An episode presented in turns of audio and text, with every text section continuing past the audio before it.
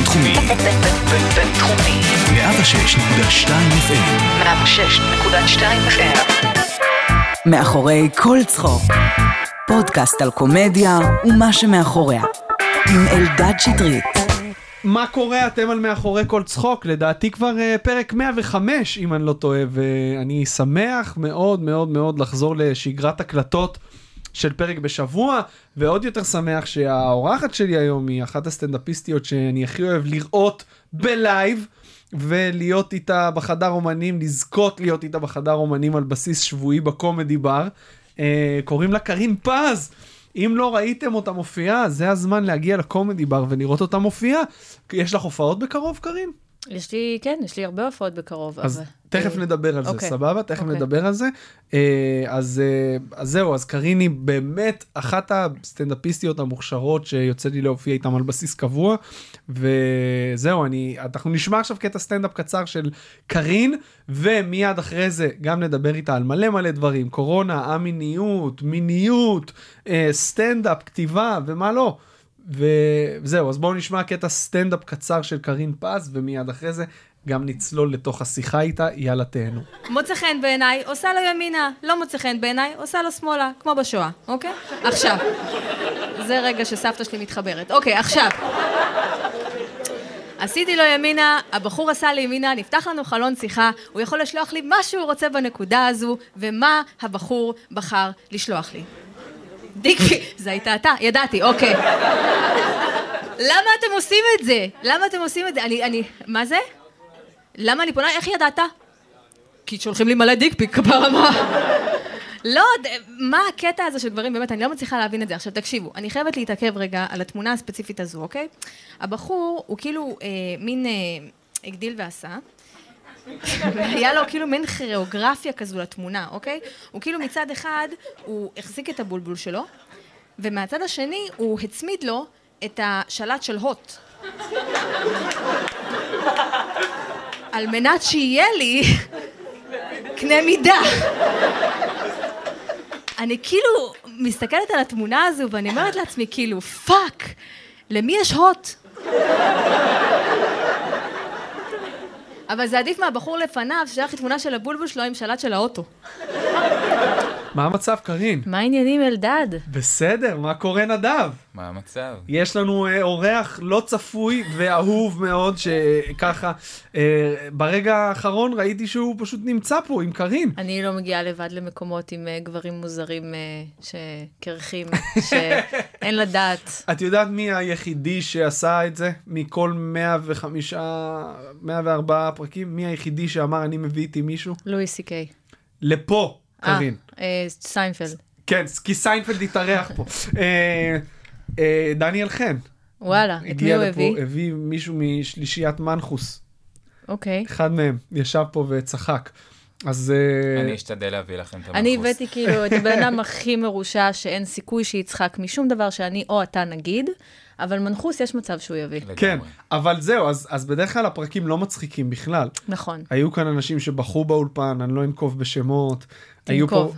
אחרי זה, אוקיי. היו פה פרקים uh, מרגשים מסיבות כאלו ואחרות. אין לנו כאילו, אין עלינו את הלחץ שיש עלינו כשאנחנו על הבמה. אבל כיף שאתה פה נדב, אם אתה מרגיש uh, שאתה רוצה כאילו זה, אז בכיף.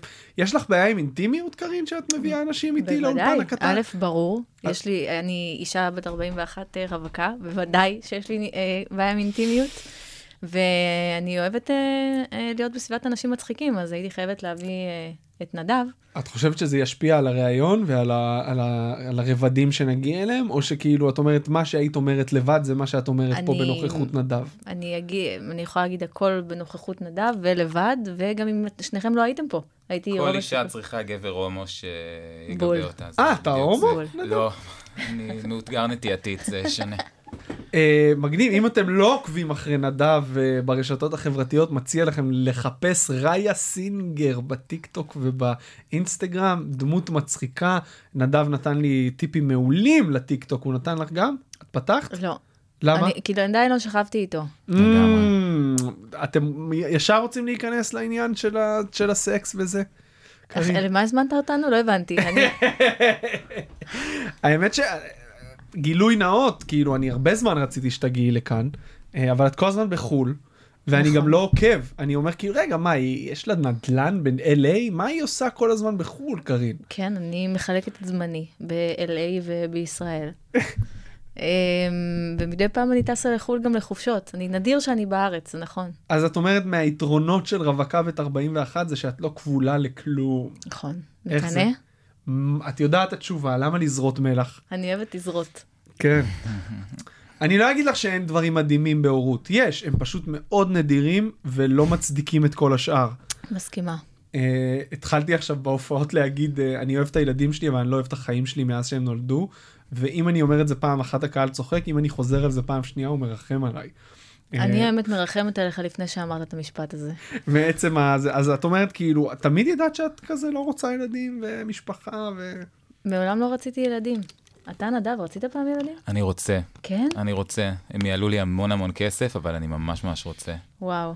כן. למה? מייקל ג'קסון מת, כאילו מייק- מייקל ג'קסון מת, מישהו חייב לזיין את כל הילדים הקטנים, אין ברירה, אבל... אה, לא, אני אוהב, אני אוהב, אני טוב איתם, שזה מוזר, אבל אני ממש טוב איתם. נראה לי שיש לגייז קטע כזה עם ההיא.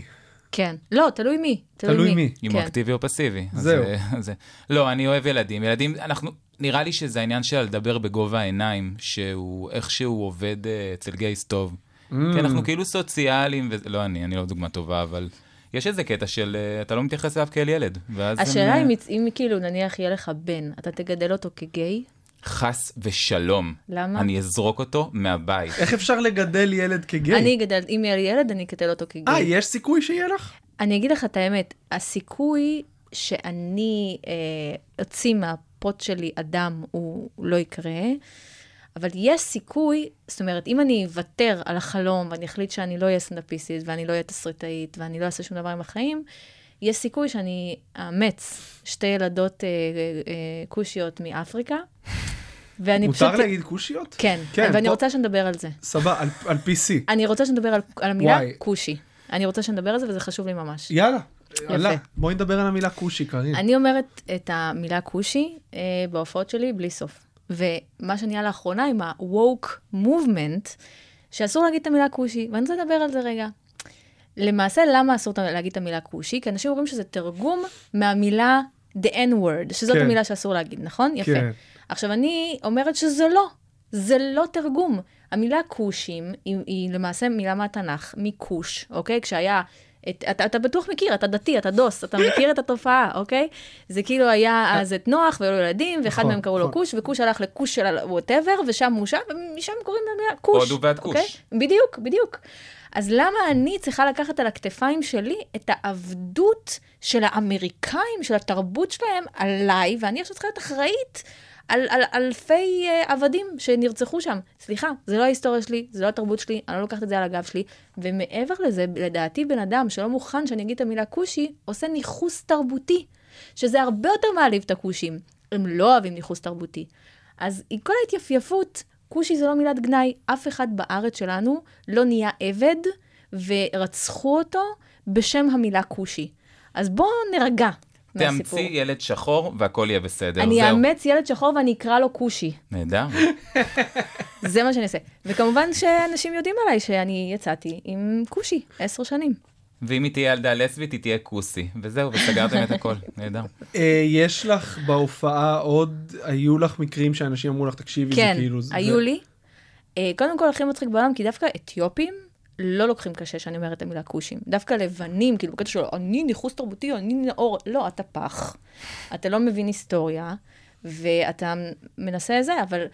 אבל היה, המקרה הכי קיצוני היה בתוכנית אה, שישי חי מהקומדי בר, תוכנית שהייתה ב-yes, שאני אה, הנחיתי ועשיתי. אה, לפתע פתאום הגיע אדם עם חברתו הכושית לאולפן, ואמר שהוא רוצה לתבוע אותי, כי אני אומרת את המילה כושי בתוכנית שלי כל הזמן. הוא בא במיוחד הוא כדי בא להגיד לך את במיוחד זה? כדי להגיד את זה באולפן. עכשיו, זה היה בשעת בוקר, אני לא הייתי שם. דורון פרידמן היה צריך להתמודד איתו, ובן היה שם, whatever. ואז אה. הם התקשרו, ו- וזה, ואמרתי, תקשיבו, אני רוצה שתביאו את הבן אדם הזה, והחברה הכושית שלו, לאולפן, ואני רוצה לדבר איתם בלייב, ואז אני כאילו אהפוך אותו ל... כאילו מיזוגניס או לנשים, כאילו הי- הייתי הופכת את זה עליו כאילו בצורה מאוד מאוד מצחיקה. הוא לא, כאילו הם לא זרמו, אמרו עזבי, זה כאילו בן אדם שבאמת באמת רוצה לתבוע. והם התנצלו בפניו או whatever, אבל אותי השאירו מחוץ לעניין, וזה חבל. כי דווקא אני חושבת שהייתי כאילו יכולה לעשות סדנת חינוך בעניין. אני חושב שבאופן כללי היבוא של תרבות ה-PC מארצות הברית לפה הוא קצת מג- מגוחך. גם זה ניכוס תרבותי. זה גם ניכוס תרבותי. יפה. ובאופן כללי זה שזה פלש לנו לסטנדאפ ופתאום יש מילים שאפילו ארס כאילו אנשים אמרו לי וואו כאילו אל תגיד את זה. מה? מישהי אמרה לי אל תגיד את זה זה כאילו פוגע. אולי זה כשזה בא מהפה שלך, זה נשמע מוזר, כי אתה אני מזרחי, אשכנזי. אני ב- הכי מזרחי בעולם. ממי אתה אשכנזי. בסדר, נולד, או שני הוריי נולדו במרוקו, בואי. אתה... זה שאני נראה אשכנזי. בסדר, אז מה, שני ההורים שלו סטרייטים ונולד להם ילד גיי. שני ההורים שלך ממרוקו ונולד להם ילד אשכנזי, לא, אין מה לא לעשות. אותו- זה לא אותו דבר, מבחינה אתנית, אם הייתי נולד דור אחד אחורה, הייתי ילד ערבי יחף במרוקו, בואי, כאילו, אתה לי- היית הילד שמרביצים לו יחף במרוקו. זה כאילו הכיוון. כן. אז באופן כללי, הסטנדאפ שלך, כאילו, אין לך, אם משהו מצחיק אותך, את עושה אותו, לא, את לא, רוא- את לא עושה חשבון, לא. וזה תמיד היה ככה. כן. אחרת למה לעשות סטנדאפ? וגם אני רואה שאצלנו במועדון, אני אומר אצלנו זה הקומדי בר, למי שמאזינים שעוד לא, לא עוד לא הפנים, אבל אה, מגיע קהל מאוד מגוון, והרבה מאוד אומנים כן משנים את הסגנון שלהם כדי להתאים כזה לסטנדאפ לכל המשפחה, ואצלך זה אף פעם לא היה ככה, ותמיד, ולא ראיתי הופעה שלך שהיא לא הייתה טובה. זאת אומרת אתה שכן, מרים את הקהל לכיוון שלך, אתה לא יורד לכיוון שלהם. ככה, ככה טיפ שקיבלתי בהתחלת הדרך, מאמינה בו, וככה זה עובד. לרדת לקהל זה כיף, אבל... או, או, או. תודה נדב. סליחה. תודה נדב. כמה, כמה סטנדאפ היה לך חסר בכל התקופה שלא הופענו? כלל לא. באמת? אני אגיד לך מה, הייתה- מה הקטע, הייתי בארצות הברית, באופן מפתיע. Mm, ואז אה, התחילה הקורונה ונתקעתי שם. אה, נעצרו הטיסות, לא היה לי איך לחזור לארץ, וחצי שנה אה, גרתי בדירה של אה, אגרן כפייתי, אגב כושי, בן 90 פלוס. הסיפור שלו היה זה שהוא פשוט בגיל 90 מצא את אשת חלומותיו, והם עברו לגור בבית שלה. אז הבית שלו הפך להיות המחסן שלו, אז הוא, אה, שכרתי את הדירה ממנו, אה, וגרתי עם כל החפצים שלו. זה, והתחברנו, היה בינינו קליק, היה... שזה נשמע סוג של חלום להיתקע בארצות הברית בלי היכולת לחזור לארץ. נשמע, אבל כשארה"ב סגורה, זהו. והכושים משתוללים ברחובות ושוברים חנויות, להזכירכם, אנחנו זה צריכים קרה. לעשות קאונט בליפ, כזה. כל פעם שאני אומרת שאני אומרת כושי, או drinking game, כל פעם שאני כן. אומרת כושי, כן. כן, אז זה היה זה היה קשוח, זו הייתה תקופה מאוד קשוחה. מה עשית כל הזמן? אמ, הלכתי ל-CVS, שזה הסופר פארם של האמריקאים. איזה כיף שם. כי זה, א', היה אחד. המקומות היחידים שמותר ללכת אליהם כי היה סגר. אז כל הזמן אמרתי שאני הולכת לקנות תרופות, ולמעשה קניתי כל מיני לקים ומסכות לפנים. קוסמטיקה. ווואי, זה- איך לא היית איתי? וואו. איזה טעות. חצי שנה? כן, חצי שנה. לבד לגמרי? לבד לגמרי. ולא הכרת אף אחד? כאילו, הבחור הזאת? שיצאתי איתו, שבאתי בשבילו, הכושי. דרינק. אה, הוא מת. קצת לפני מה? הקורונה, ממה? מסרטן, שיז. כן. איך הרמת, קרין? כן, את נכון. האנרגיה והאולפן. אה, אני... באיזה גיל? בן כמה הוא היה? הוא היה מבוגר, כאילו לא כל כך מבוגר, קצת היה 50 פלוס, משהו כזה. וואו. 90, הגרנד כפייתי. כן. אה, וואי, וואי. זה, דווקא הוא חי, אתה מבין? הוא עדיין חי? ההוא, הגרנד כפייתי חי. וואו. רגע, טסת כדי להיות איתו, ואז נתקעת שם, והוא כן, מת. נכון. יש לך על זה קטע כבר? קודם הוא מת ואז נתקעתי שם. וואי. כן. אמ, יש לי מלא קטעים, כן, יש לי מלא קטעים על כל המערכת יחסים שהייתה לי עם הכושי. זה, זה בלוק ארוך. יצא לך להופיע באנגלית כשהיית שם? כן, יצא לי להופיע באנגלית. אה, זה נורא מצחיק, ההופעה הראשונה שלי, אי פעם שהייתה באנגלית, לפני עשור בערך, הייתה בזכות ג'סטין ביבר. מה? כן. ספרי עוד. אוקיי, בן דוד שלי, אה, הוא עובד בארצות הברית, יש לו חברה אה, של security של סלבס, וג'סטין ביבר היה אחד הלקוחות שלו. יום אחד הוא התקשר אליי שהוא וחברתו לשעבר דאז, אה, סלינה גומז, אה, הגיעו ל-Laugh Factory, והוא שאל אותי אם אני רוצה לבוא. אז אמרתי, ברור שאני רוצה לבוא, מה, אני רוצה גם להופיע. והייתי כאילו כלום בתחום, הייתי כאילו הבלה שלא יודעת להגיד משפט. אז uh, הגעתי לשם, ואז אמרתי, טוב, אני אדבר עם ג'סטין, והייתי בטוחה שהכל כזה בצחוקים וזה. עכשיו, זה, המקום בנוי בצורה כזו, שיש מלא מלא קהל שיושבים אחד עד השני, ולמעלה יושבים האומנים. מן הסתם, ג'סטין ביבר וסלינה גומז לא יכולים לשבת ביחד עם הקהל, הם ישבו למעלה עם האומנים. אז זאת אומרת, הגעתי, והגעתי איפה שיושבים האומנים, והיה שם את דיין קוק, שאני. הרצתי אותו בטירוף, וכאילו הגעתי בעולם חתיך הורס, וכל שאר האנשים לא הכרתי. ואז אמ, רונן, בן דוד שלי, הכיר לי את ג'סטין ביבר, ואמר לי כאילו, אמ, This is קארין, my cousin, ג'סטין, Yeah, ג'סטין, קארין. ואני כאילו כולי הייתי בהתרגשות, ואז אמר לי, she wants to perform here. ו- ואני כזה הסתכלתי ככה, ואז ג'סטין קרא, הבעלים של המקום, פרסי כזה שמן, כאילו אמריקאי, הוא קרא לו ואמר לו, she needs to perform here now. והוא כזה, אוקיי. ואני כזה, מה? מה? רגע, אין לי, אין לי פאנצ'ים, אין לי, אני לא יודעת אנגלית, איך זה עובד? ואז. אה, עליתי ל... תתפשטי, למי אכפת? כן. איך אני לא מכיר את הסיפור הזה? כן, אז עליתי לאיזה שלוש דקות הזויות מהתחת, שכאילו אף אחד לדעתי לא צחק ולא... אני, אני לא זוכרת בכלל את כל הסיטואציה, זה כאילו, נראה לי הדחקתי את זה מרוב שזה היה כמה גרוע. שנים היית בתחום? שלוש, ארבע כזה? משהו כזה, כן, וואו. אפילו פחות. תחשבי אם כזה דבר קורה לך היום. אז, כאילו כשיש אז לך אה, תסריט היום ואת עולה. יש לי אה, חבר מאוד מאוד מאוד טוב בארצות הברית שהוא סטנדאפיסט, והוא נותן לי להופיע בכל ההופעות שלו. הופעתי, כאילו, אני חושבת שההופעה הכי הזויה שהייתה לי באנגלית, ושוב, לא הופעתי הרבה, הופעתי מספר פעמים בקושי אני יכולה לספור על יד אחת. הופעתי במקום של כזה דרגיז, כאילו איפה שעושים ריהאב. אה, של כל המסטולים והמסוממים והנרקומנים וזה וזה, ו- ושוב פעם, אני עליתי וגם לא רציתי לעלות, והוא הכריח אותי כזה לעלות, ועליתי לחמש דקות, ופה הייתי כבר הרבה יותר מנוסה, זה היה קצת לפני הקורונה. פשוט התחלתי לאלתר עם הקהל, לא עשיתי בכלל פאנצ'ים, פשוט התחלתי, אמרתי להם, תשמעו, חשבתי על זה שאתם תהיו הקהל הכי סלחני שאפשר למצוא בארצות הברית.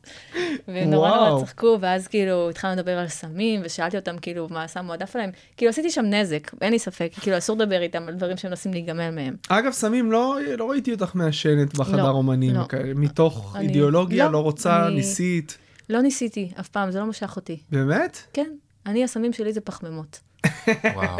נכון? בסדר, אבל חבל יש- על הפנים גם. יש עוד סוגים של סמים, פחמימות? חוץ מפחמימות. שומנים. שומנים. נכון, שומנים, גם שווה. אוהבת את מקדונלדס. מאוד. למה? אה, טעים שם. חיים שם. לא, אבל באמת, כאילו כשאת בחדר אומנים ויש כזה סביבך, אה, אין לך שום סקרנות, את לא לא. רוצה כזה, את לא. סבבה עם ה... את סבבה עם התודעה שלך ביום יום, את לא מרגישה צורך לברוח, או שיש לך אין לי. משפחה, אין לי ילדים, אני רווקה, החיים שלי דבש, אני עשירה ברמות קיצון. למה אני צריכה סמים? אה, אה, החיים שלי אש. יפה, כן. קארין. כן. למה את צריכה סטנדאפ אז? זו, זו השאלה, אם החיים שלך אש. כי... פה עכשיו נגלה את האמת. אוקיי, אז למעשה לפני גם מספר חודשים עברתי איזשהו משבר קטן עם עצמי. לקחתי את עצמי לפסיכיאטר, ואחרי שיחה של שעה הוא אבחן אותי אה, בעלת הפרעת אישיות נרקסיסטית, Mm, ואני מניחה שמשם נובע הצורך שלי אה, לנסות לשנות את פני ההומור בישראל ובעולם. ועל כן אני מתעקשת על ההומור שלי כמו שהוא על הבמה, כמו שאמרת מקודם, ולא להתפשר על קהל. על כן אני כותבת תסריטים אה, גם באנגלית וגם בעברית, ואני מנסה למכור אותם בנטפליקס, כי אני חיה בסרט. ו... ממש לא חיה בסרט, אה, את יודעת, אני מניח שכל מי שניסה למכור משהו לנטפליקס, הייתה לו את המחשבה הזאת כן. בתחילת הדרך. אז הלכתי ללמוד ב-UCLA תסריטאות, כי זה המקום הכי טוב ללמוד תסריטאות בעולם. והתחלתי איזשהו תהליך. אה, כתבתי את הסדרה על שני כושים, באופן מפתיע. סדרה מאוד מאוד מאוד מצחיקה, מאוד מגניבה, מאוד כאילו עכשיו, עכשווית כזאת, מאוד כאילו מדברת על כל העניין הזה של ה-woke ושל כל הטמטום הזה. והגעתי יחסית אה, למקום שהייתי בשוק מעצמי שהגעתי אליו, הגעתי לחברה מאוד מאוד מאוד מוכרת של אה, סוכנות, של אה, סטנדאפיסטים, שחקנים, כותבים וכדומה. וקראו את התסריט שלי ואמרו לי, כשהיה את הקטע של הפגישה שחזרתי אחרי שקראו, והגעתי כולי רועדת, כי זו פעם ראשונה בחיים שלי שנתתי למישהו מקצועי לקרוא תסריט, ועוד באנגלית שכתבתי ב, בלימודים. אז הם ישבו מולי ואני יושבת ככה מכווצת, ואז היא אמרה לי, תנשמי, it wasn't bad. ואני מבחינתי שמעתי כרגע, זה מעולה, זה מושלם, זה משחקי הדיונון 2, וכאילו כזה דברים שמעתי, 50 גוונים של כושי. זה מצוין. בדיוק כזה. ואז היא אמרה לי, "אה, אבל ההערה שלנו, זה שרואים שלא מישהו כושי כתב את זה. Mm, ובהוליווד זו בעיה. ועל כן רצו לש... ל... ל... ליצור לי פגישה עם אה, איזושהי חברת הפקות אה, של שלושה אחים כושים שעושים פרויקטים של כושים, קוראים להם The Wayan Brothers, והייתי אמורה להיפגש איתם, ואז התחילה הקורונה וחרה על הפרצוף שלי. אני חוזר רגע כי אמרת משהו מעניין אם אפשר כאילו להיכנס לעומק אמרת שהלכת לפסיכיאטר כי היית באיזשהו משבר נכון. איך זה בא לידי ביטוי אמ, כאילו מה הרגשת שהיה שונה מהשגרה שכאילו תיארת עכשיו איזה שהם חיים שאת שלמה איתם מאוד נכון. אה, זה, זו הייתה הרגשה של, לא יודעת, דכדוך, דיכאון כזה, לא, לא, לא, היה לי. לא הייתה לי מוטיבציה. אה, אני חושבת שזה היה אה, קצת אחרי שהתוכנית שישי חיים מהקומדי בר נגמרה, והרגשתי כאילו, לא יודעת, שלא לא ידעתי מה לעשות עם עצמי כזה. כאילו, זה, הרגשתי שאנחנו מתקדמים, מתקדמים לכיוון מסוים. קיב, קיבלנו ערוץ. קיבלתי תוכנית בערוץ, וצילמנו עוד תוכנית בערוץ, וכבר ידעתי בדיוק לאן החיים שלי הולכים. ואז אה, נגמרו הצילומים בערוץ, חזרנו להופיע, וההתחלה של לחזור להופיע הייתה נורא מרגשת, כי לא הופעתי שנה, והיה מדהים. ולא עשית זום גם נכון לא עשיתי זום. עשיתי פעם אחת, הבנתי שזה רמאות, אמרתי, טוב, אני לא מתכוונת לקחת מאנשים כסף על רמאות. אמ, ואז אה, חזרנו להופיע, הייתה נורא התרגשות, כי הופעתי מלא, וחזרתי חזרה לכושר נורא נורא נורא מהר, ואז אמרתי, טוב, רגע, אבל מה עם החלום שלי, של לעשות טלוויזיה, ולעשות קולנוע, וכולי וכולי. ואז נכנסתי למראה שחורה כזאת, אז בגלל זה. מה מה אמרת לפסיכ... כאילו זה מה שהצגת לפסיכיאטר לא. איך הוא הגיע למסקנה השג- לאבחון הצגתי תשעה דברים שמפריעים לי בחיים שלי. אוקיי. הוא אמר לך להציג תשעה דברים לא, זה דברים שאני כתבתי שמפריעים לי בחיים שלי. יש שם תשעה דברים. למשל אמ, למשל, שיש לי הפרעת אכילה. למשל, אוקיי. שיש לי הפרעת שינה. למשל, שיש לי הפרעת חישה. למשל, חוסר... הפרעת מה? חישה, חושים. אה. כאילו. אוקיי, זה נחבר את זה לאמיניות תכף סבבה סבבה. אה, חוסר יכולת לדחות סיפוקים. אה, אובססיה לדברים שאני מאוד מאוד רוצה. כל מיני דברים קטנים כאלה, חוסר אמפתיה כלפי אנשים. כל מיני דברים שביחד הוא חיבר אותם והוא אמר לי הפרעת אישיות נרקסיסטית. עכשיו, אני למדתי פסיכולוגיה, יש לי תואר ראשון בפסיכולוגיה שלמדתי בחיפה, ואני שכחתי כל כך לגבי מה זה הפרעות וכולי. למדתי על הדברים האלה, אבל אחר כך כשחזרתי הביתה, פתחתי את ה-DSM, וקראתי ואמרתי, fuck, זאת אני, אוקיי? והקטע נראה לי כן זה לא כמו אה, סכיזופרניה דיכאון חרדות שיש כדור אין לזה טיפול אין, הטיפול הוא תרופתי. טיפול פסיכולוגי. בדיוק והתחלתי לראות פסיכולוג, אה, שמ- שמאוד מאוד מאוד מרוכז בעצמו. איזה תחונה גרועה לפסיכולוג. תקשיב, זו תחונה עזוב את ה- גאונית ד- בוא נדבר לפסיכולוג. עליי רגע. תקשיב, זו תכונה גאונית לפסיכולוג, כי הוא אמר לי, לפני כמה זמן, אבל מה את מרוויחה מהטיפול הזה? אמרתי לו, אמרתי לו, יש בך ערך קומי שהוא מדהים, זה נכון אבל בואי וזה מה שחשוב. נכון זה מה שחשוב אבל כשאת באה לטיפול.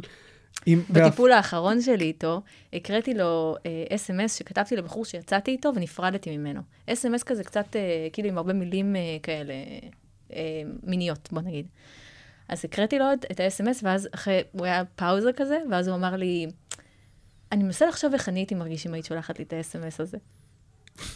ואני כאילו, אני מתה עליך, וואו. אני מתה עליך. אין, אתה כאילו עשית את הרגע הזה, רגע היסטורי של טלוויזיה. זה כאילו, איך הפכת רגע כזה מעפן לרגע כזה קומי וכיפי. איזה רגע מושלם. מושלם. ואת כאילו כשהוא, כשהוא אמר לך את זה משהו ב, בתפיסה שלך לגבי עצמך השתנה מאז? לא, כלום. לא. וזה לא לא אמרת אז את הולכת לטיפול במטרה שזה ישתנה שזה יתמתן. אני הלכתי לטיפול בהתחלה במטרה של אה, לטפל בהפרעת אישיות הנרקסיסטית שלי, ולמדתי במהלך הטיפול שאי אפשר לשנות את זה, שאי אפשר לשנות שום דבר בעזרת פסיכולוגיה, הדבר היחיד שאתה יכול לעשות זה לדבר עם בן אדם, ואם כבר לדבר עם בן אדם, אז עדיף שהוא יהיה ממש מצחיק ויהיה לו יציאות כאילו לא במקום. את חושבת שזו הפרעה שתורמת לך לסטנדאפ או שפוגעת בו? ללא ספק תורמת לי לסטנדאפ, כי אם לא הייתי צריכה את הצורך הזה שאנשים יקשיבו לי ו- ולהגיע לקהל רחב של אנשים, ושאנשים יאהבו אותי, ושאנשים יעריצו אותי, ושאנשים יעקבו אחריי, אז לא הייתי סטנדאפיסטית. מהמם.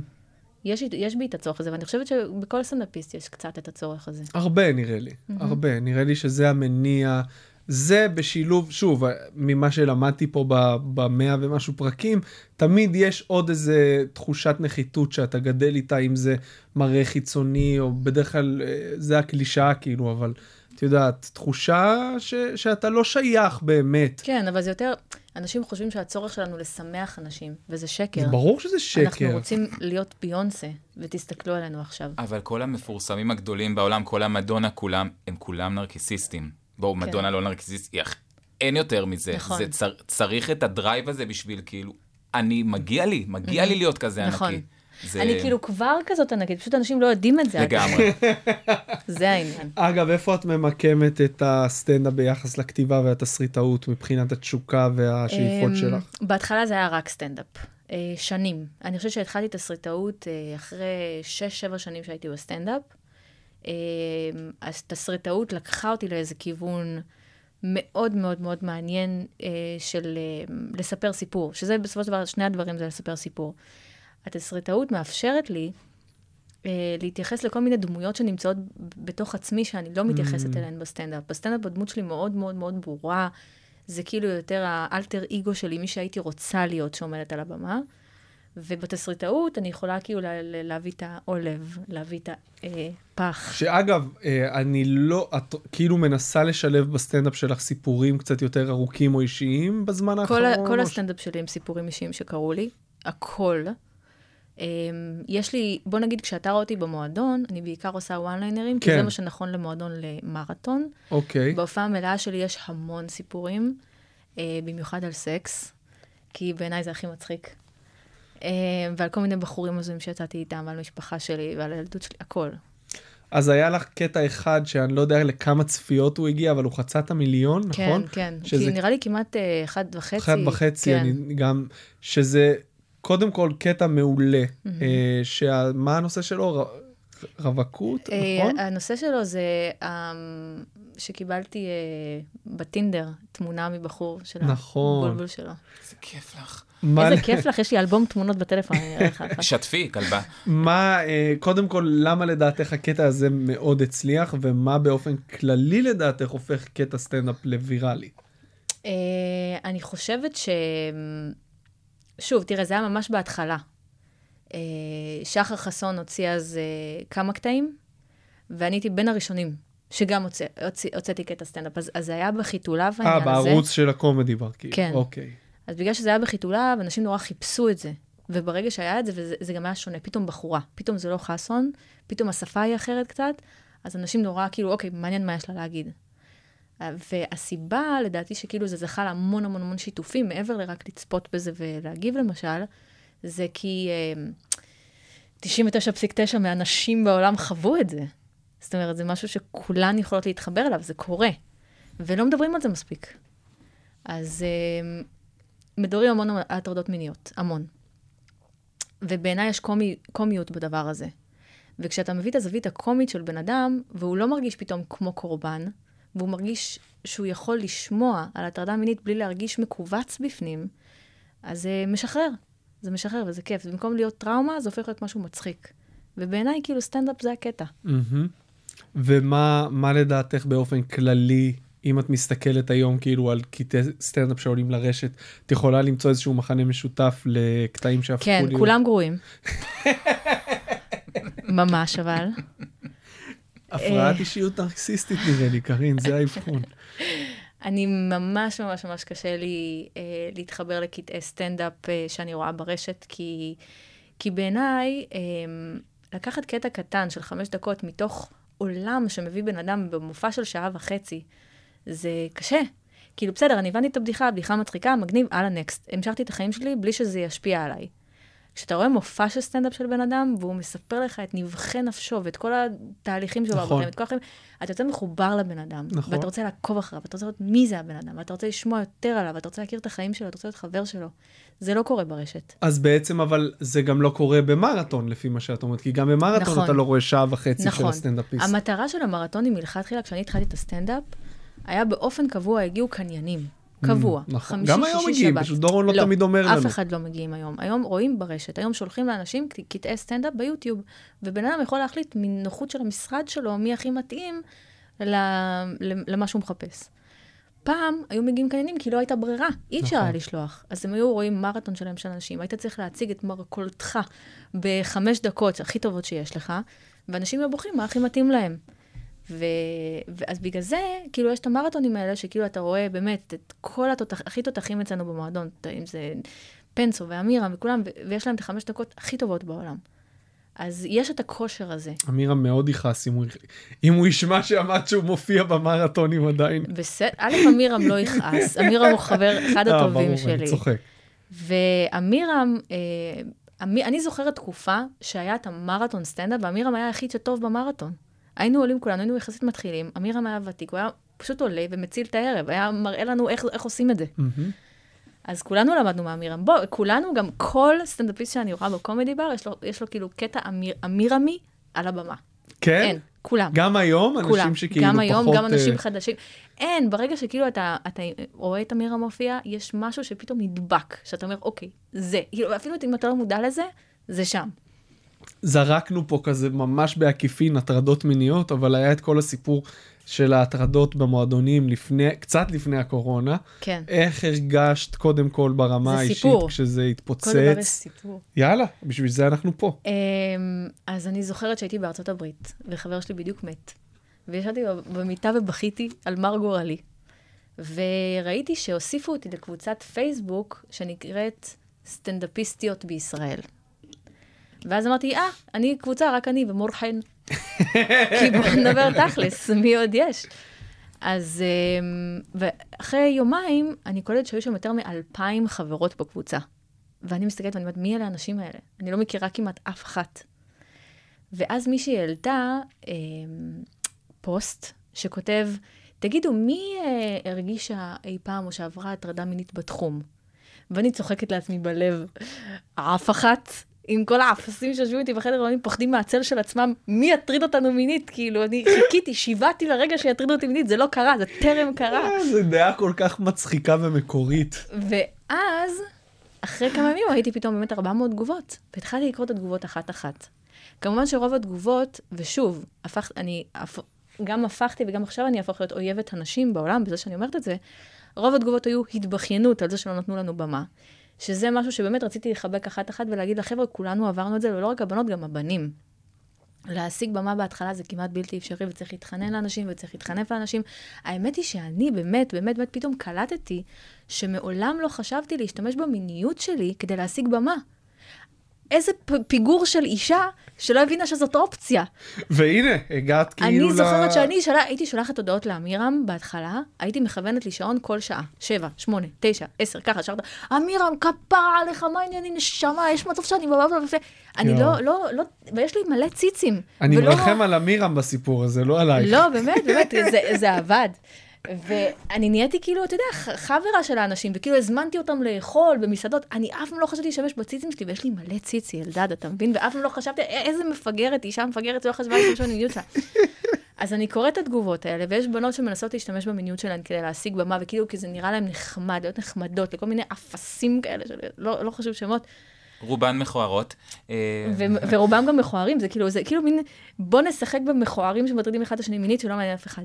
אבל uh, הם ניס- ניסו להשתמש במיניות שלהם, והגברים האפסים, שהם סטנדאפיסטים שמעולם לא קיבלו תשומת לב, פתאום רואים בחורה צעירה חמודה, גם שהיא לא נראית טוב, אבל יש לה ציצי עומד, והיא אומרת איזה מילה שתיים, ופתאום, רגע, מה, היא רוצה לשכב איתי?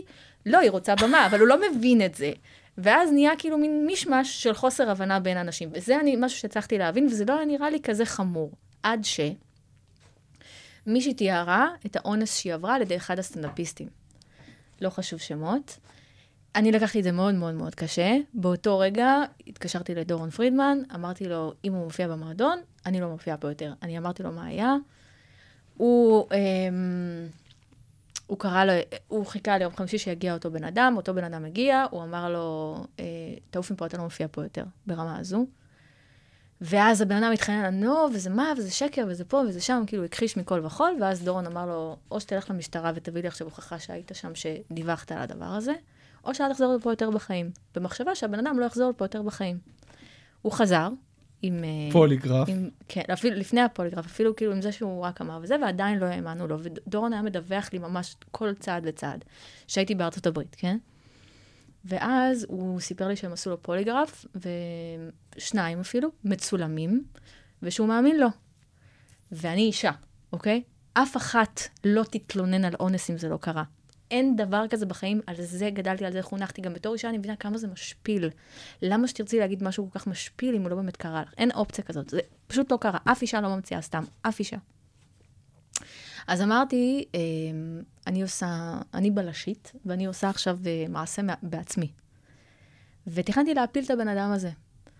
אה, חזרתי לארץ, הייתי אמורה להישאר בבידוד שבועיים של הקורונה, והתקשרתי אליו ואמרתי לו, "אה, בוא אליי הביתה, אני צריכה שתעזור לי באיזה משהו, באיזה תסריט. וממש תכננתי אמבוש. והוא נכנס אליי הביתה, וההורים שלי כאילו היו מודעים, ההורים שלי גרים תחתיי, הם היו מודעים לזה שכאילו, אם אני קוראת להם לבוא כי הוא תוקף אותי. והוא ישב מולי, ואמרתי לו, הכנתי לו תה, ואמרתי לו, נו, אז אתה אנס, אה? והוא היה בשוק, והתחלנו לדבר על זה, והוא סיפר לי את הסיפור, והוא ממש ממש ממש בכה. ומצאתי את עצמי, כאילו, אמ, אומרת, רגע, יש מצב שמה שגדלתי עליו כל החיים שלי הוא לא אמיתי? כי יש מצב שהבן אדם הזה עכשיו אומר לי את האמת? והתחלתי לבלבלות עם עצמי, של כאילו, אני לא יודעת אם להאמין, אם לא אני לא יודעת מה לעשות, אבל יושב מולי בן אדם שאני מכירה 12 שנים, שבחיים לא ראיתי שום דבר, אפילו אלים, כאילו, הבן אדם שהיה אצלי בבית המון פעמים, ו- ונפגשנו המון פעמים, והוא מספר לי את הסיפור שלו, וזה נראה לי טבעי להאמין לו. ואני מכירה את הבחורה שהתלוננה, לא באופן אה, אה, לא טוב כמו שאני מכירה את הבחור, אבל פתאום אני אומרת, יש מצב שאני שפטתי פה בן אדם בלי לדעת בכלל מה קרה, והחלטתי עליו שהוא אנס, וכבר כבר דמיינתי בראש שלי איך אני פשוט חופרת לו בור ו- וקוברת אותו שם, והקריירה שלו לא תימשך, ואני כאילו עושה בלאגן, ופתאום אני רואה שזה, שאני מאמינה לו, שהוא לא עשה את זה. הרגשת אמפתיה? והרגשתי, לא, אמפתיה אני לא מרגישה, כי יש לי הפרעת אישיות נרקסיסטית. אבל הרגשתי שבגלל שעשיתי את זה, אני חייבת לו. והחזרתי לו אה, בצורה מקצועית. אני שוב, אני לא רוצה להסגיר, אבל, כן. אבל דאגתי לו אה, בצורה מקצועית אה, למשהו שהיה ממש שווה בשבילו. ו... ואז הבחורה התעמתה איתי. אה, התקשרה אליי בטלפון, ו... Um, הרגשתי שכאילו, מה שאמרתי לה זה, אם הבן אדם הזה הוא באמת אנס, ואת יודעת שהוא מופיע איתי באותו מועדון, ואת לא הולכת להתלונן במשטרה עליו, זה, זה, לא, זה פשוט נבזי כלפיי. והיא אמרה לי, את לא יכולה להכריח אותי ללכת להתלונן. אני חושבת שכאילו, אז בואו נדבר על אנשים בשואה. בואו נגיד, אל תספרו מה קרה, כי זה טראומה שלכם, ואנחנו לא נלמד מזה, מההיסטוריה הזאת, ואנחנו לא נצמח כיהודים, כמדינה יהודית וכולי וכולי. אם עבר, ושוב, זה קל לי לשפוט, כי אני לא עברתי טראומה כזו, אבל בתור עבר, אדם שעבר טראומה ורוצה להגן על אנשים אחריו שלא יעברו את אותה טראומה, דבר, תגיד, לך למשטרה, תעשה את כל הדברים האלה. ואני יודעת שצריך אומץ וצריך באמת דברים, ווטאבר. אבל מהמקום שלי, זה היה נראה לי כל הסיפור הזה, פשוט, לא יודעת. ובאופן כללי, עם כל הדיבורים על זה שיש אווירה גברית רעילה בחדרי אומנים. לא, לא גברית, יש אווירה רעילה. גברית היא לא, אוקיי? אין אף אחד גברי בחדר אומנים. הכי גברי שפגשתי בסטנדאפ זה נדב. אוקיי? תודה. יש אווירה רעילה, כי זה חבורה של אנשים נרקסיסטים, שמכניסים אותם לחדר אומנים, וכל אחד רוצה להצליח יותר מהשני. ו... כן, את חושבת באמת שאנשים מסתכלים על זה כלהצליח אחד יותר מהשני? תראה, אה, אני לא חושבת שכולם כאלה, אבל אני חושבת שכאילו יש תחושה לאנשים מסוימים שנמצאים המון המון המון זמן בתחום, שכשמישהו אחר מצליח זה בא על חשבונם. שזה אגב ממש לא נכון. נכון, כאילו... אני מסכימה. ושוב, אני יכולה, אני, יכול להיות שאני מסכימה מתוך המקום של אישה, כי באמת שאני לא מרגישה שאם אני רואה, לא יודעת מה, את אה, לירון רומנו בסדרת טלוויזיה, זה היה אמור להיות אני. אני לא מרגישה את זה. אבל, אבל זה תקף לכל אחד, זה כאילו מה שאף פעם לא הבנתי. אה, אני חושב שה... אתה לא הבנת כי אתה לא מספיק זמן בתחום. אני חושבת שתגיע אה, ל-15 שנה בתחום, יהיה לך את המרמור הזה של כל בן אדם צעיר שהגיע אחריך שהצליח, אתה תרצה לדקור אותו. וזה יגיע. אני לא חושב. אני אף פעם לא... אף פעם לא... שוב, אני... לא- זה רק אני, כן? אבל אף פעם לא הסתכלתי ימינה ושמאלה, ותמיד כאילו, אני מ-day one מרגיש שלכל אחד יש את הדברים שיש לו, ואין להם, אין למישהו אחר. לי יש פודקאסט, לא יש סדרה, לא- וזה כאילו... אתה מאמין? אני, החוויה שלי איתו באמת הייתה, לי הוא מאוד פרגן, אז באמת, כי הייתה אתה לי חוויה מתחיל. מאוד טובה. נכון, כי אז באמת אני יכול להגיד על אלדד שהוא מאוד מאוד אה, היה שם, הוא מאוד חנך אותי ומאוד, אה, שאני הייתי פעור לחלוטין, ממש פעור, פעור, פעור. תשמע, אני, כשאני רואה מישהו שמגיע אלינו למועדון, אני פשוט יודע כמה זה קשה להשתלב, להרגיש בנוח בחדר אומנים אצלנו, זה משהו שלקח לי איזה שלוש-ארבע שנים. אז אם אני רואה מישהו שמגיע שהוא בן אדם מצחיק וטוב ונחמד, ו... אז כן. יש לי איזושהי, יש לי איזשהו מקום שרוצה לעזור לו להרגיש קצת יותר בנוח עד כמה שאני יכול. שוב, אתה יודע, חזק על חלשים, כן. השאלה היא מה קורה, אם עכשיו, אה, בוא נגיד, ניתן לך עוד אבל איזה... הנה, זה קורה כל הזמן. אני אגיד לך, אבל מה, אתה עוד לא הגעת לייאוש, אוקיי? אבל למה שיהיה ייאוש? למה שיהיה? כי עוד עשר שנים היום, אם תמשיך ללכת כאילו קבוע לקומדי בר, זה הדבר היחיד שיש לך כסטנדאפיסט, זה ייאוש. אבל אם אתה מגיע למ- למצב כזה ואתה לא מצליח ליצור מופע או לא יודע מה, אז זה לא, זה לגמרי אחריותך. לא, אתה מצליח ליצור מופע, פשוט אף אחד לא מעוניין לקנות את המופע סבבה, הזה. אז זה לגמרי אחריותך. אתה, אני אף פעם לא אסתכל על מישהו אחר ואגיד, אה, אם הוא כן מצליח, אז זה לא, החשבון. זה לא הכיוון הזה. זה הכיוון של אתה, כנרקסיסט, חושב שהמופע שלך הוא הכי מצחיק בעולם. לא, אתה רואה אנשים שאתה חושב, מסתכל על המופע שלהם ואתה אומר, המופע הוא פחות טוב משלי, ואותם לוקחים ומשלמים המון כסף, ואני חסר עבודה בבית. בסדר, אבל קודם כל, אם זה, אם קורה משהו כזה, וזה תמיד יכול לקרות, אז יש, אז אוקיי, יש משהו שהוא נותן, שאצלי אין... אבל אני בד- מנסה להראות לך את הכיוון, לא, את אני, הזווית אבל ראייה. אני יודע מה הזווית, אבל אם אתה מפשט את זה בצורה רציונלית, אין סיבה אה, שתרגיש... רציונלית? לא הבנתי, מה זה? לא, אני אומר, אתה. מחפש רציונליות בסטנדאפיסטים? אני אומר, אני, אני מדבר כרגע, אמ- אמרת, אתה כשתגיע, אז אני מדבר עליי, כאילו מההיכרות. שלי עם עצמי. בוא נראה, זה, זה, תראה, זה יקרה במוקדם או במאוחר. זה יקרה. שמה? שאתה תגלה שאף אחד לא רוצה את המופע שלך. סבבה, אז אם אף אחד לא ירצה את המופע, אז אני אעבוד כדי להשתפר.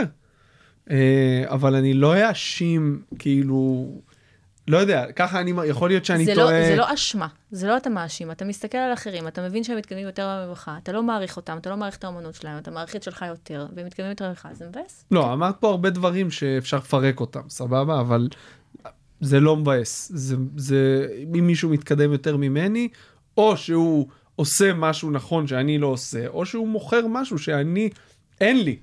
וזה לא בקטע רע. אם uh, מישהו יעשה סטנדאפ גרוע וימכור אולמות, סטנדאפ גרוע בעיניים שלי וימכור אולמות, אני אוקיי, זה מה שהעם רוצה. מה נכון, לעשות? בסדר, אז, לא אז זה יכול מתחיל. ב... זה מה שהעם רוצה, זה זה ממשיך, זה כאילו, אני לא יכול לייצר את זה, ואז ממשיך, ממשיך, ממשיך, ממשיך, ממשיך, ממשיך, ככה שנים, שנים, שנים, שנים, ואז נהיה הפיצוץ הזה של המרמור. את מרגישה ככה לפעמים? אני בכלל לא מרגישה ככה, בגלל ש... למה לא? אני חושבת שעצם היותי בחורה, ושוב, זה יתרון. זה גם חיסרון, אבל זה גם יתרון. אין הרבה בנות מצחיקות בסטנדאפ בישראל. ו... וכן, כשמישהו רוצה בחורה מצחיקה, מתקשרים אליי בדרך כלל. ואני, יש לי המון הופעות, המון, המון. אני כאילו מופיעה מלא. אנשים לא מבינים אפילו כמה אני מופיעה. אני גם לא מאהבים מפרסמים, אבל אני מופיעה המון. ואני גם אוהבת את המקום של האנדרדוג. אנשים לא כל כך יודעים, ורגע בחורה, ורגע כן מצחיקה, לא מצחיקה, ואז אני עולה, ואנשים מרוצים ברמה שהם הרגישו שהם דפקו את המערכת. וזה חלק מאין מה לעשות, ככה צריך להופיע לישראלים. אמ, אז אני לא מרגישה את המרמור הזה, אבל אני כן יכולה לראות את הממורמרים ולהבין אותם, ושהלב שלי יוצא אליהם. וזה לא אמפתיה, בוא לא נתבלבל. אני פשוט כן מספיק אינטליגנטית כדי להבין מאיפה זה נובע, ואני סלחנית כלפי זה. לא, אפשר להבין מאיפה זה נובע, אבל אני חושב שזה מאוד ילדותי. אה, אני לא שיפוטית. בן אדם מרגיש כמו שהוא מרגיש. סבבה, אני, להרגיש מה שאתה מרגיש זה משהו אחד, אבל לבטא את זה בדרכים מסוימות זה משהו אחר. ואני חושב שאם אתה מרגיש ש, אה, את- שמישהו אחר מצליח וזה בא על חשבונך, אתה חייב להסתכל עמוק פנימה ולהבין למה זה מה שאתה מרגיש, וזה... שוב, אתה יודע, אתה מכיר את הנפשות הפועלות, אז תנסה לדמיין לעצמך אומר את המשפט הזה שאמרת אני עכשיו. לא יכול להגיד אותו, בדיוק. בדיוק, אז אבל בוא תתייחס לבן אדם כמכלול. תבין שיש פה הרבה מעבר לתחושה של מרמור שמישהו אחר הצליח. הצליח. יש פה תחושה של מרמור שהיא שנים מלווה את הבן אדם. יש פה תחושה של ילדות שהייתה אלוהים שישמור. יש פה לא. תחושה של משפחה שהגיעה שעה להסתר. זאת אומרת, זה מכלול של בן נכון. אדם, וככה הוא אה, מניפסט את, ה, את התחושה שלו, ואין לנו מה לשפוט על זה. זה, זה, it is what it is, וסבבה, ומחבקים אותם. בואי נדבר על א-מיניות. בוא נדבר כי על אמרת לי המיניות. את זה לפני איזה שנתיים כזה, אה כן, אני א-מינית, ואמרתי לך, רגע, מה? ואז אמרתי, רגע, היו לך קשרים, הנה, היה לך חבר כושי, אה, איפה כאילו, תספרי לי על זה, מה, הופך אותך א-מינית? הדרך הכי איך טובה, גילית את זה? הדרך הכי טובה, להיפטר מגברים מהתחום שמתחילים איתי, זה להגיד שאני א-מינית. את אומרת שהתחלתי איתך? אני אומרת שאני ייצרתי שמועה, תראה, הרבה מאוד מהסטנדאפיסטיות יצאו עם סטנדאפיסטים. שלא נאמר, כן. יש כאלה שהתחתנו עם סטנדאפיסטים. נכון. למה אתה חושב שלי זה בחיים לא קרה? כי את מאוד, קודם כל את מאוד ברורה. אם את לא מעוניינת במישהו, הוא מיד יבין את זה, אני אבל מניח. כולם מבינים שאני לא מעוניינת בהם. עכשיו, איך תדחה בן אדם באופן יפה ולהגיד לו שאתה לא מעוניין בו? אני א-מינית. זה טקטיקה לא מדהימה. אשמתך. אני פשוט א-מינית. אני סטרייט. רגע, אבל כן אמרת. שאצל הפסיכיאטר דיברת על כל העניין של חושים. כן. אה, שוב, ההפרעות חישה שלי הן לא, לא לגמרי קשורות למיניות. כן, אני לא אוהבת מגע של אנשים זרים, אני בחיים לא הולכת ל- לעשות מסאז' או משהו כזה. אני כאילו לא יכולה לסבול שאנשים נוגעים בי. אבל אה, אם זה בן זוג, אה, אז כן. אז את לא אמינית, זו המצאה. אני, זה נקרא, בדקתי, ההגדרה שלי נקראת דמי-סקשואל.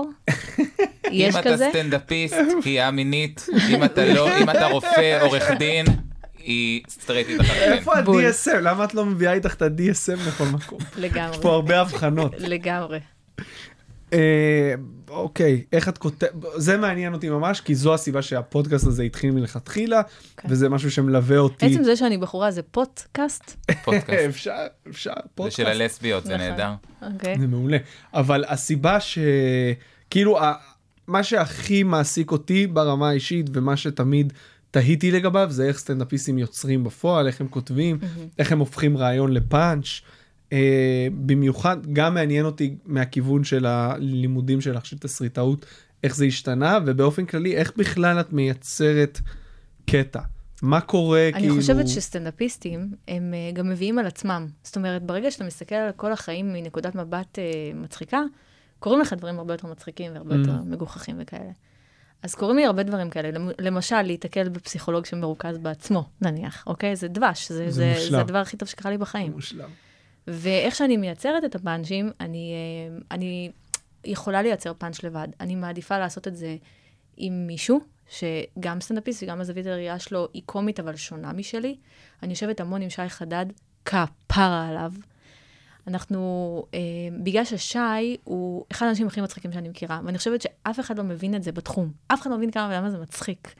קודם כל, יש לו חיקוי שלך, שזה פיפי. יואו, תשלחי, תקשיב, הוא תגידי לו מח... שישלח. שהוא מחקה אותך, אני לא משנה באיזה סיטואציה אנחנו, גם אם אני בסיטואציה הכי עצבנית בעולם, ואנחנו לפני הופעה ולא יודעת מה, יש לחץ וסטרס, הוא מחקה אותך, יואו, ואני פיפי על הרצפה. איך אף פעם לא שלחת לי כזה דבר? וואי, תקשיב, החיקוי שלו של... אין, אין, אתה לא מבין איך כמה לא זה שלחת מצחיק. לי כזה דבר?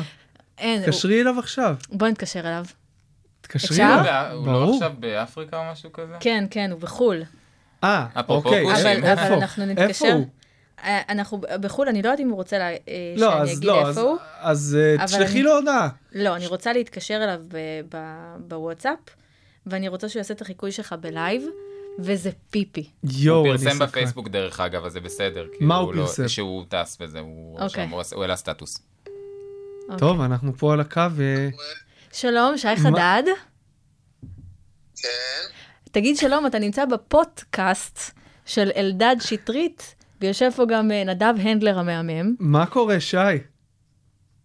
מה המצב? אני בסדר, ש- יש פה שמועה שיש חיקוי שלי, ואני רוצה לשמוע אותו, בלייב. אתה מוכן? אני מוכן, תגיד לי מתי. קדימה. אהלן חברים, מה שלומכם? ברוכים הבאים לפודקאסט מאחורי כל צחוק. אני אלדד שטרית. היום אני מארח סטנדאפיסט, חבר, הופעתי איתו, חיממתי אותו, הייתי איתו, מוכשר, מצחיק, שכבתי איתו. שכבתי איתו. הוא מעדן, מעולה. כי הוא יודע שהוא אונליין, הוא מעדן. מעולה. אבל הדברים שהוא אומר בדרך כלל, זה פיפי, כאילו אין, אין, וואי, זה מושלם. חיקוי אחד לאחד. שי, אני שמח שאתה, יש לך את הניואנסים, זה אומר שאתה שמעת הרבה פרקים. שי לדעתי הוא המאזין היחיד של הפודקאסט הזה. איזה מלך. כן, הוא שומע אותו ממש, והוא כאילו גם אחר כך מדבר איתי על זה ואומר לי, תקשיבי, הוא אמר משהו נורא מעניין, הוא אמר משהו נורא פה. איזה חמוד אתה, שי. שומע הכל. שי, תהנה אני יכול בחו"ל. לעשות גם חיקוי של אה, ליאור הבר אם אתם רוצים. יואו, האמת שזה יהיה מושלם, אני לא יודע אם המאזינים... אה, מכירים. אז בוא תשאל אותי, בוא תשאל אותי מה קורה. מה קורה, ליאור? בסדר כפרה, מה איתך? וואי, זה פרק שני רצוף עם חיקויים. אה, רועי ג'י ישב פה שבוע שעבר, חיכה את גיל רוזנברג. ורייצ'יק עף לי המוח. גדול, גדול. וואו. שי המלך, חיכה אותו טוב, שמעתי את זה, שמעתי כן. אתה רואה? הוא שומע את הפודקאסט. איזה חמוד. יא חמוד, שי, מחכים שתחזור לארץ ולמועדון, ותהנה מלא בחו"ל. תביא לי תודה מתנות. רבה, תודה. ביי. סגור. תודה, יאללה, תהנו. ביי, ממי. וואי, מעולה. מעולה. אין על שי. עוד חיקויים יתקבלו בברכה. כן. אנא שילכו למערכת. רגע, אז כתיבה. כתיבה, אז את אומרת שאת יושבת עם מישהו, כן. את באה עם רעיונות שהיו לך. כן, אתה יודע, אתה בא עם אה, דברים שקרו, ואתה הופך את זה לפאנצ'ים לאט לאט, ויש בן אדם שפתאום מביא לך איזו זווית כזאת מעניינת, ומלא, אני יכולה להגיד לך כמעט על כל פאנץ' שלי, מי סגר אותו, יש לי פאנצ'ים שרועי לוי סגר, יש לי כאילו פאנצ'ים, ממש, מהתחלת הדרך, יש פאנצ'ים של פנסו, יש פאנצ'ים של תמיר בוסקילה, יש פאנצ'ים אה, ממש, ממש, ממש הרבה אומנים, כאילו, וסוגרים אחד לשני, וזה גם כיף. כן. אני היום העליתי קטע וכל מיני סטנדאפיסטים שלחו לי, אתה יכול לסגור, אני כזה, זה עכשיו יצא! מה אני, בסדר, אז כשאני אעשה את זה, אבל זה כן. הכי מתסכל, זה גם פאנצ'ים טובים הם כן, נתנו לי. כן, כן. יותר טובים משלי. בטוח, כן. טובים נקודה. טובים נקודה. כן. אה, אבל יש תהליך שאת עוברת לבד בכתיבה, או ש... שוב, תמיד- רמת הרעיון, כן? אני נתקלת אוקיי. ברעיון, אני כותבת אותו בטלפון אוקיי. שלי, אחר כך אנחנו מגיעים פגישה, מדברים עליו, רואים אם יש בזה משהו, לפעמים אין בזה כלום גם. יש פעמים שאת עולה לבמה רק עם רעיון וכזה אומרת נראה מה יצא, או שאת לא... יש פעמים כאלה, כן. לא בקומדי בר, כי זה לא המקום. אז איפה אבל, כן? סתם דוגמה, היום בערב אני הולכת לבמה של אה, אדיר פטל, האדיר, אגב. וואי, כן, גם סטנדאפיסט ואיש כיפי. כן. מה, בבר גיורא? נכון. אחלה ערב, הייתי שם. אז אה, אה, שם זה המקום לנסות קטעים חדשים, קטעים שלא סגור עליהם, קטעים שלא יודע מה מומי, כאילו אין שם קהל ואף אחד לא יגיד שאני גרועה. יש שם קהל, אה, כן? כן. טוב, ואחלה במה, אז תבואי, כן, תבואי חדה. כן. אמ, איזה עצה נתנו לך בסטנדאפ שמלווה אותך כזה מאז אה, שהתחלת? מישהו שאמר לך, תקשיבי, א', ב', ג', אמ, זה מצחיק, כי אה, גרועה אני רוצה, גם טובה? וגם גרועה, גם תגידי שאתה. מינית. אני... זאת העצה הכי טובה לבחורות. מושלם, וואו. הכי טובה. Um, אני אגיד לך מה, זה נורא מצחיק, כי בפעם הראשונה שהגעתי לקומדי בר, אני, שוב, לדעתי לא הייתה שם אישה אף פעם. וכשירדתי מהבמה, אה, רצו אליי איזה שישה, שבעה סטנדאפיסטים, כל אחד עם טיפים של מה שאני צריכה לעשות, מה צריכה לעשות. אני חושבת שהטיפ הכי מושלם שקיבלתי זה, את צריכה להתחתב. כי הגוף שלך סבבה, אבל כאילו, אם היית חטובה יותר, זה, זאת, זה הטיפ הכי טוב שקיבלתי, האמת. ומאז אני מנסה, את אומרת עד שמקדונלדס לא תקרוס. בדיוק. וואו. אז זה הטיפ הכי טוב שקיבלתי. והכי גרוע? הכי גרוע, אמ, אני לא חושבת שקיבלתי טיפים גרועים. תראה, ההבנה, ושוב, אולי זה טיפ לסטנדאפיסטים מתחילים באמת. זו ההבנה ש... שאלה שאנחנו סוגרים את הפרקים, קארין. אה, אנחנו, כן, סליחה. אנחנו אכן לקראת הסוף, אבל תני את אוקיי. זה עכשיו. אני חושבת שצריך אה, את ההבנה שכשסטנדאפיסטים מעבירים עליך ביקורת, הם מעבירים ביקורת על הנקודה שהכי מפריעה להם על עצמם. Mm, זאת אומרת, אם סטנדאפיסט אומר, אתה, אתה מדבר יותר מדי, זה אומר שמפריע לו שהוא מדבר יותר מדי. אם סטנדאפיסט אומר, אין לך מספיק פאנצ'ים, זה אומר שמפריע לו שאין לך מספיק פאנצ'ים. אם סטנדאפיסט אומר לך, אתה חוזר כל הזמן על אותם קטעים, זה אומר שהוא לא חידש את החומר שלו כבר מעל 20 קארין, שנה. הסטנדאפ שלך מדהים. חבל שאני לא יכולה להגיד אותו דבר עליך. אבל, אה, אבל כן, כשסטנדאפיסט מעביר עליך ביקורת, הוא מעביר ביקורת למעשה על עצמו. אז אל תיקח ללב שום דבר. מעניין? עכשיו אני צריך כזה... לב, חיים אה, שלי. כן. ממש לב. נכון. אה, איפה את רואה נגיד, כאילו יש לך איזה vision לגבי הסטנדאפ שלך שתמיד היית רוצה שהוא יהיה במקום מסוים ואת לא מצליחה להגיע אליו, או איזושהי שאיפה של איך הוא ייראה בעתיד? בוא נגיד שהייתי רוצה לייצר עוד חומרים, מה שכאילו, באמת אני יכולה להגיד שבשנה האחרונה, ש- אפילו שנתיים, מאז הקורונה, יש לי מלא מלא מלא פאנצ'ים ואני אפילו לא מנסה. למה?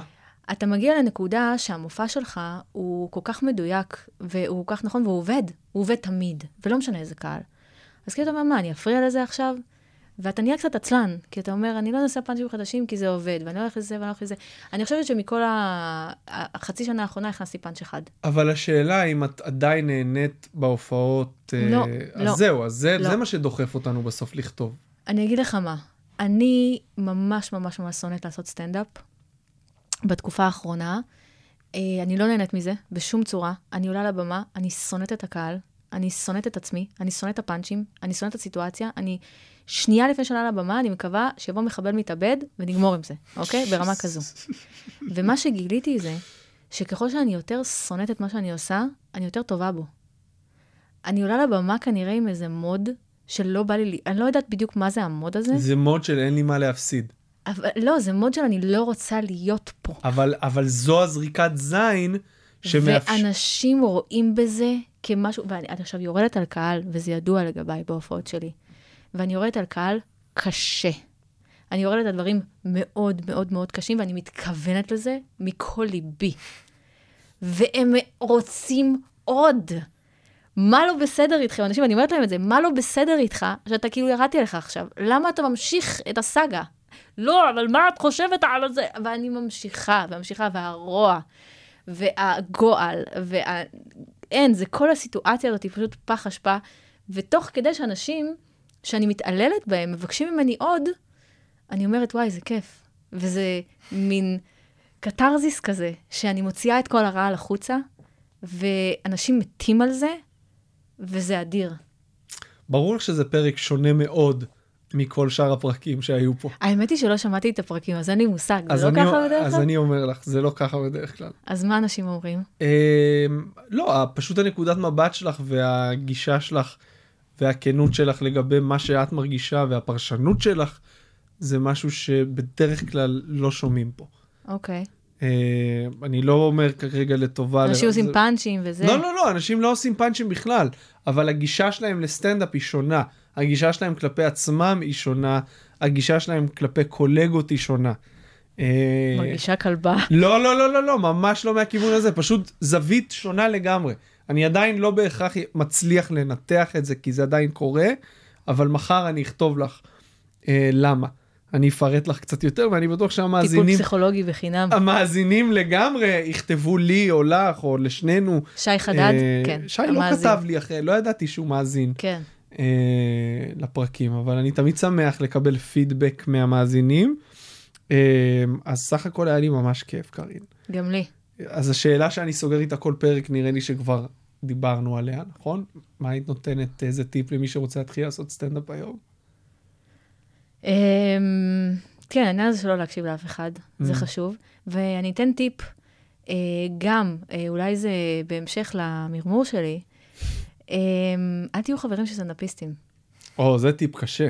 כן. אז של מי? ש- של אנשים רגילים. של אזרחים? כן. יואו. לא לייצר חברות עם סטנדאפיסטים. למה?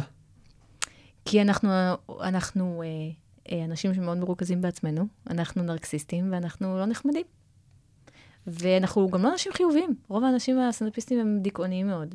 הם, במחלות אה, מין הם חיוביים, תאמין נכון, לי. זה כן. למרות שלדעתי הם לא עושים סקס בחיים. אז, אז זהו, זה, זה תמיד שמישהי נגיד אומרת לי, יש לך איזה סטנדאפיסט להכיר לי? אז אני אומר לה, אם אכפת לי ממך, התשובה היא לא. אני לא בבקשה. אכיר." אבל בבקשה. יש הבדל בין זוגיות לחברות כאילו בין עם אנשים מהתחום שאתה... לא, לא, לא, לא. תקשיב, אני מכירה אותך, אני מכירה מי החברים שלך בתחום, ואני מכירה מה אומרים עליך מאחורי הגב. תספרי לי. אל תהיה חבר של סטנדאפיסטים. איזה חמודה את, קארין. את רוצה לדבר על מופעים?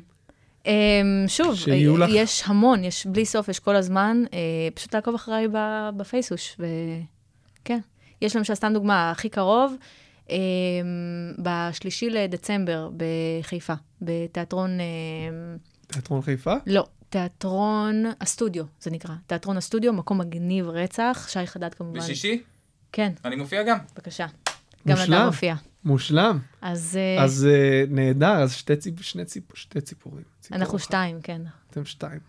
מדהים. קארין, תודה שבאת. תודה לך. אה, אנחנו זמינים בכל אפליקציות הפודקאסטים, ספוטיפיי. יאללה ביי. תודה נדב, תודה. כיף תודה. שבאת. כיף שאירחת. יאללה ביי.